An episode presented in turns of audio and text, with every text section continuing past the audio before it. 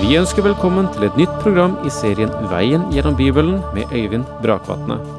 Denne studieserien er produsert av P7 Kristen Riksradio og bygger på serien Through the Bible av Vernon McGee. I dag fortsetter vi med Johannes' åpenbaring.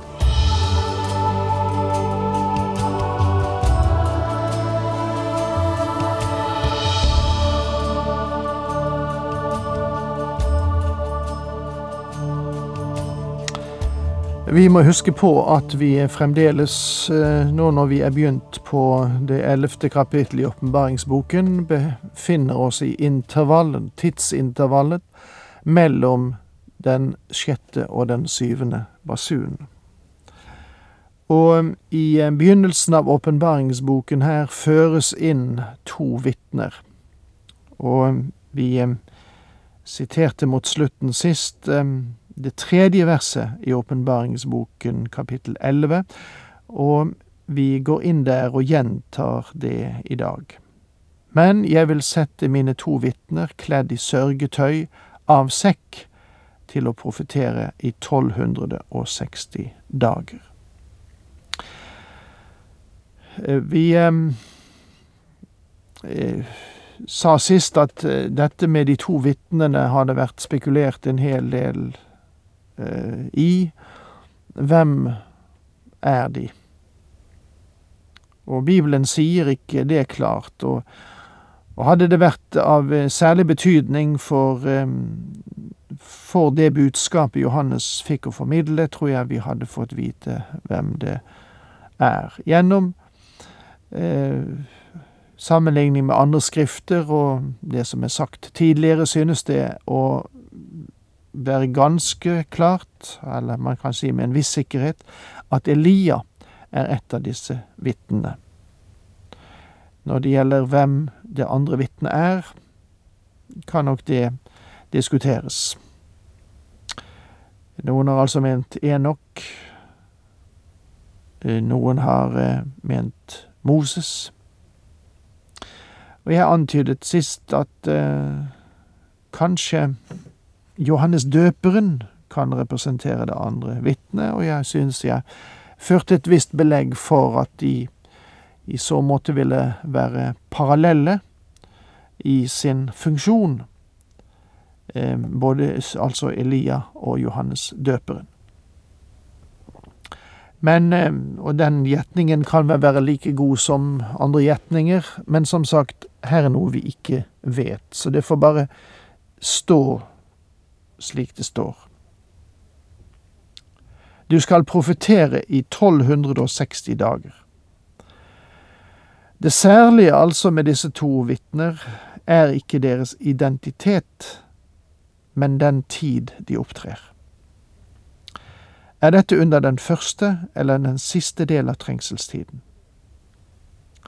Første del synes å passe til teksten mer nøyaktig fordi de bærer vitnesbyrd til dyret åpenbarer seg, og da lider de martyrdøden. Kledd i sørgetøy, eller kledd i sekk, som det heter i den gamle oversettelsen.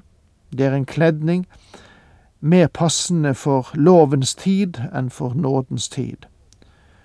Og det vil også være passende både for Elia og døperen Johannes, om det da eventuelt var dem som det henspilles på når det gjelder disse to vitner. Dette er de to oliventrær og de to lysestaker som står foran jordens herre, og det er det noen som vil og er det noen som vil skade dem, går det ild ut av munnen på dem og gjør ende på deres fiender. Ja, om noen vil skade dem, slik skal han dø.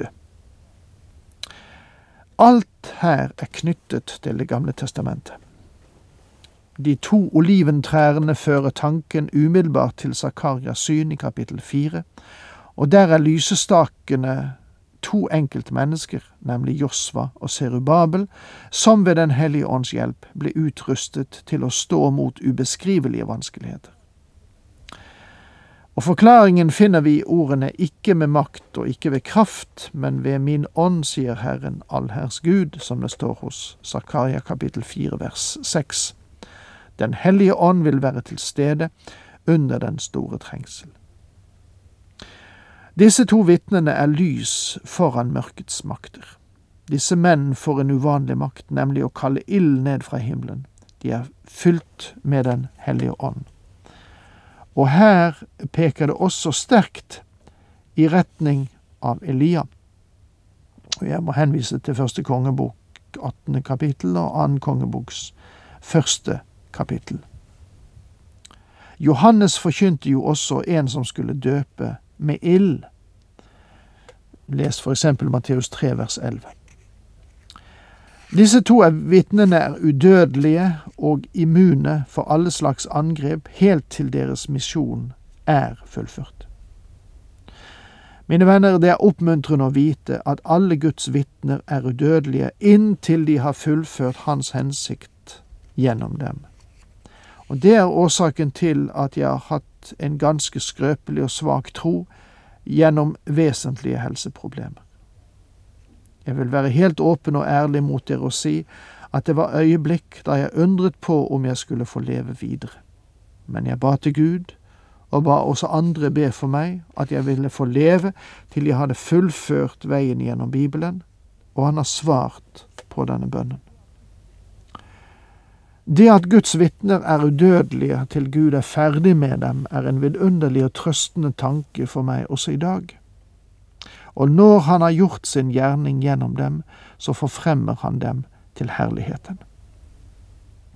De har makt til å lukke himmelen, så det ikke faller regn i den tiden de er profeter, og de har makt over vannet, og det kan gjøre det til blod, og makt til å slå jorden med alle slags plager så ofte de vil. Disse to vitnene får en grenseløs autoritet. De kontrollerer regnet på jorden og er i stand til å forvandle vannet til blod. Og dette minner sannelig både om Elia og Moses. Og dette verset er årsaken til at fremtredende fortolkere har blitt stående ved Elias og Moses, fordi Elia var mannen som stoppet regnet, og Moses den som hadde makt til å føre plagene over Egypt. Og det er gode grunner for at det er disse to menn, men alt det du eller jeg sier om disse to vitnene, vil være spekulasjon. Til å slå jorden. De ble gitt den samme makt Kristus vil ha når han vender tilbake, og som står opptalt i Åpenbaringen 19 vers 15. Med alle slags plager. Det gir en antydning om de samme plager Moses førte over Egypt, men plagene her er atskillig fler og mer omfattende. Så ofte de vil, sier noe om den tillit Gud har til disse trofaste tjenere. Jeg tror neppe Gud kan stole på deg og meg på samme vis. Noen av oss kan, ikke, kan han ikke betro penger, noen kan han ikke betro makt, og det er årsaken til at Gud ganske ofte rokerer brikkene på sitt sjakkbrett og skyver ut den han vil. Og jeg tror det er godt at mange av oss ikke har for stor makt. Men når de har fullført sitt vitnesbyrd, da skal dyret som stiger opp fra avgrunnen, føre krig mot dem, seire over dem og drepe dem. Vitnene skal avslutte sitt vitnesbyrd. Midt i den syttiende uke under Antikrist, som er dyret, vil syndens menneske som griper etter makten, dra sammen en ny utgave av det romerske riket. Og så, når han får hele verden under sin kontroll, vil han ikke nøle med å nedkjempe og knuse disse to vitner. Og ved denne tid vil han få tillatelse til å gjøre det.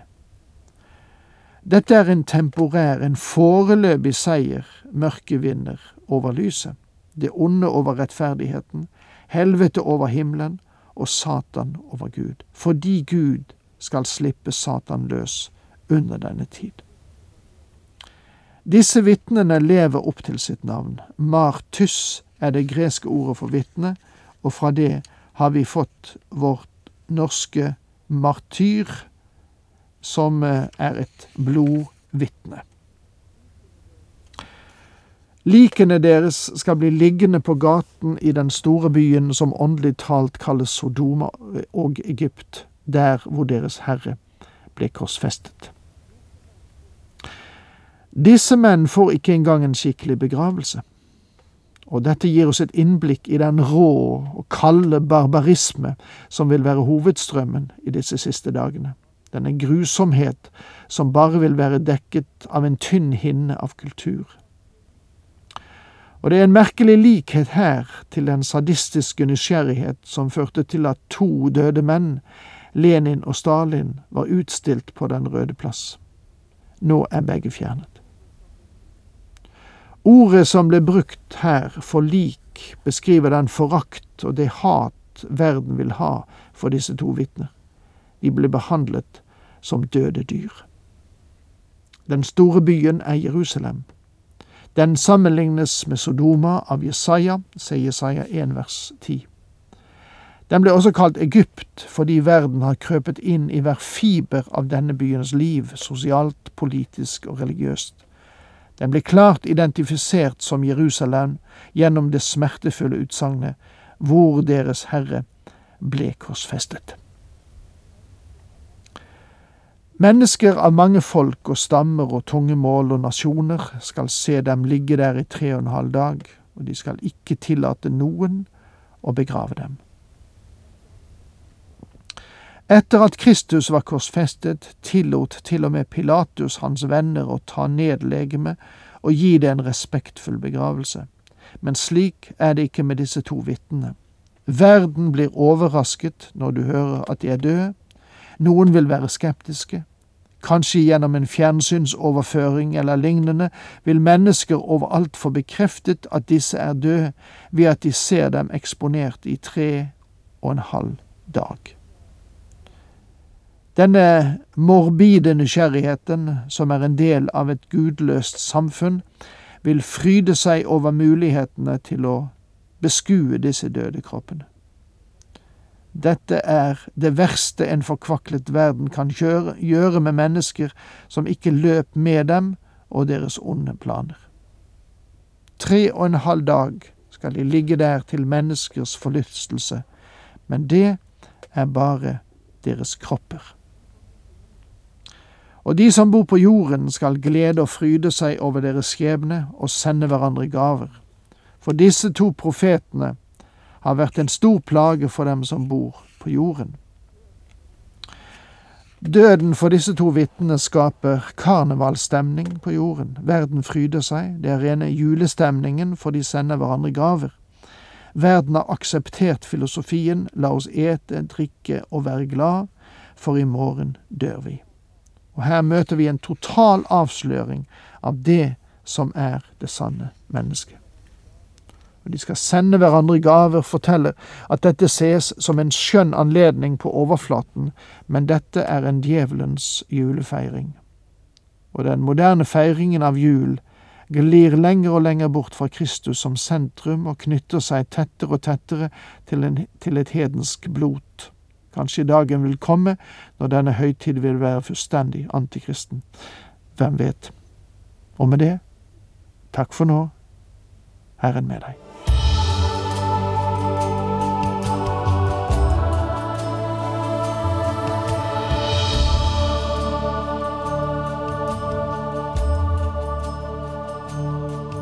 Du hørte Øyvind Brakvatne i studieserien Veien gjennom Bibelen. Serien bygger på et manus av Vern McGee. Har du spørsmål eller kommentarer til programmet, kan du sende en e-post til vgb krøllalfa p7.no. Takk for i dag, og på gjenhør.